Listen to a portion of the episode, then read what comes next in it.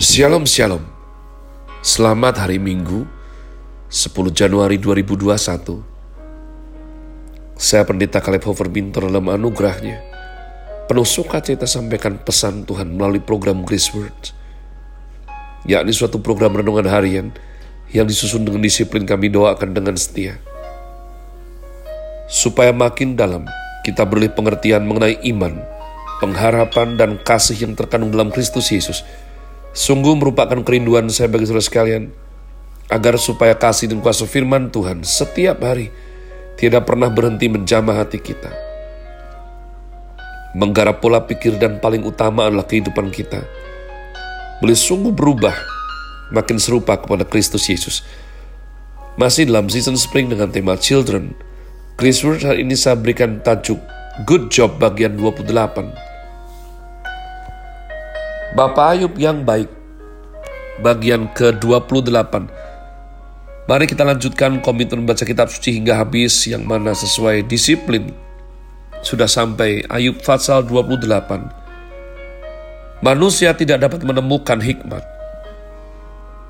Memang ada tempat orang menambang perak Dan tempat orang melimbang emas.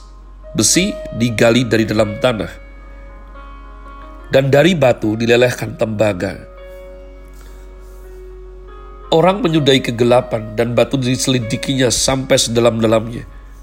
Di dalam kekelaman dan kelam pekat, orang menggali tambang jauh dari tempat kediaman manusia. Mereka dilupakan oleh orang-orang yang berjalan di atas. Mereka melayang-layang jauh dari manusia. Tanah yang menghasilkan pangan, di bawahnya dibongkar bangkir seperti oleh api. Batunya adalah tempat menemukan lazurit yang mengandung emas urai. Jalan ke sana tidak dikenal seekor burung buas pun, dan mata elang tidak melihatnya. Binatang yang ganas tidak menginjakkan kakinya di sana, dan singa tidak melangkah melaluinya. Manusia melekatkan tangannya pada batu yang keras. Ia membongkar bangkir gunung-gunung sampai pada akar-akarnya. Di dalam gunung batu ia menggali terowongan, dan matanya melihat segala sesuatu yang berharga. Air sungai yang merembes di bendungnya, dan apa yang tersembunyi dibawanya ke tempat terang. Tetapi di mana hikmat dapat diperoleh? Di mana tempat akal budi? Jalan ke sana tidak diketahui manusia, dan tidak didapati di negeri orang hidup. Kata samudra raya, ia tidak terdapat di dalamku. Dan kata laut, ia tidak ada padaku.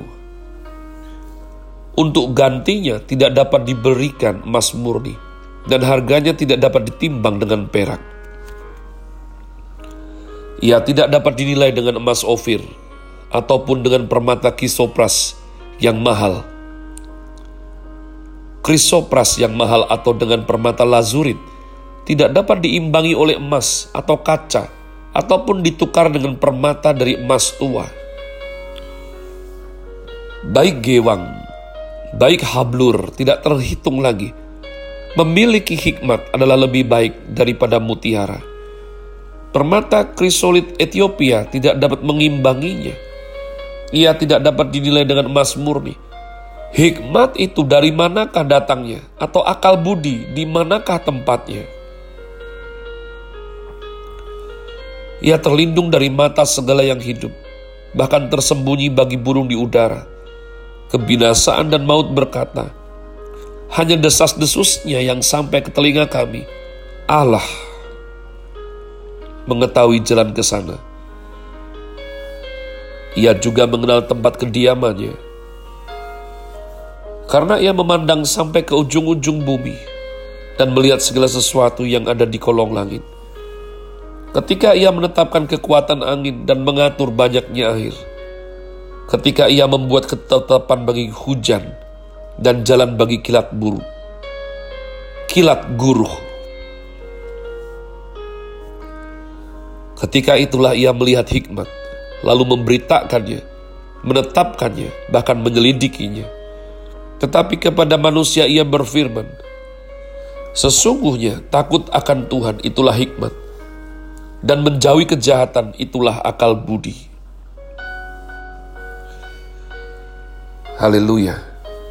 Umat Tuhan, saya tidak bisa membayangkan sebab Ayub ini adalah menurut materi ya penulisan atau bahan daripada kertasnya itu merupakan kitab paling tua yang ditemukan di antara kitab-kitab di Alkitab kita.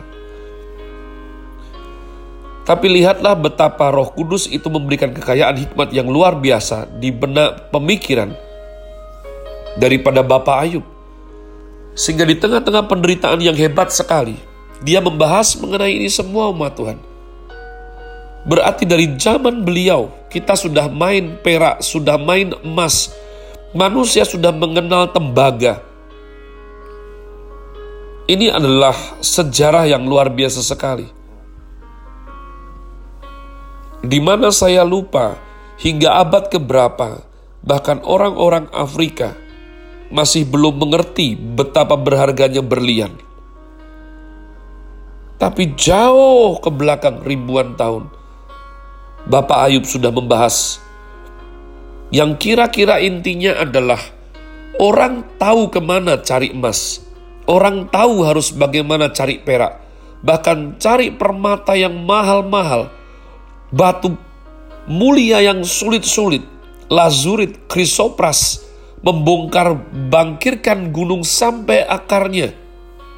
Manusia tahu, ma Tuhan, ke mana cari emas Ofir, emas tua, gewang, hablur, manusia tahu. Tapi Bapak Ayub melontarkan suatu pertanyaan yang masih saya percaya perlu sampai hari ini. Dari mana datangnya hikmat? Ke mana harus mencarinya, umat Tuhan? Beliau mengajarkan sesuatu yang hebat sekali menurut saya. Ketika ia, siapa ia? Hikmat Menurut Amsal Fatsal yang ketiga, hikmat is not a kind of something, but someone. Maka ini diteguhkan oleh Bapak Ayub.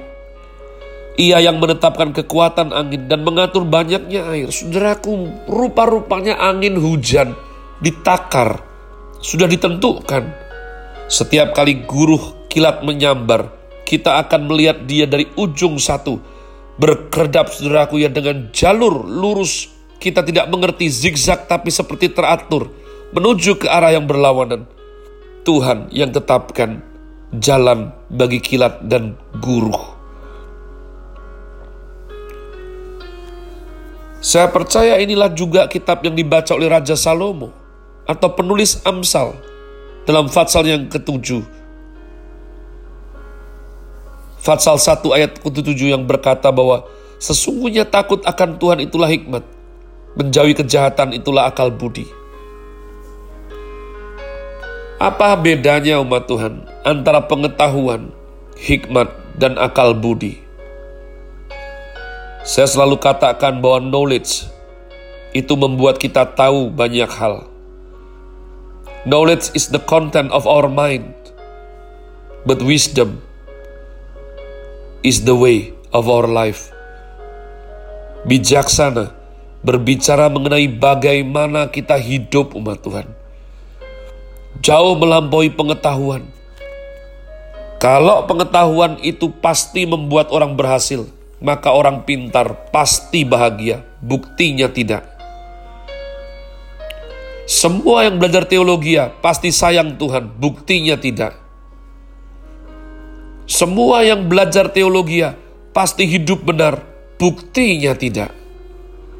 Kalau tidak belajar banyak, pasti hidupnya jelek, belum tentu juga. Bijaksana merupakan suatu rahasia umat Allah. Apakah engkau terdorong untuk mengejarnya atau tidak? Itu pertanyaannya. Karena Bapak Ayub berkata bahwa hanya Tuhan Allah yang tahu kediamannya. Hanya Tuhan Allah yang tahu jalan menuju hikmat. Yang mana artinya jika kita tidak dekat dengan Tuhan, kita tidak mungkin tahu jalan. Berbicara mengenai jalan ini meneguhkan lagi. Sekarang kita mengerti bahwa hikmat bukan sesuatu tapi seseorang. Maka hanya seseorang di muka bumi ini yang pernah berkata, akulah jalan, kebenaran, yang membawa kepada kehidupan. Saya berdoa sungguh-sungguh engkau mempunyai ketaatan dan disiplin. Sehingga ketika membaca firman Tuhan, kita tidak jemu-jemu. Kita mempunyai haus lapar untuk mengenal jalan-jalannya lebih lagi. Dan menjadi manusia, anak Tuhan, murid Kristus yang tidak hanya pintar secara pengetahuan knowledge saja. Tapi terlebih daripada itu, kita berbijaksana dengan jalan hidup, cara hidup kita pilihan-pilihan yang kita ambil. Sekali lagi happy Sunday. Tuhan Yesus memberkati saudara sekalian. Sola. Grazie.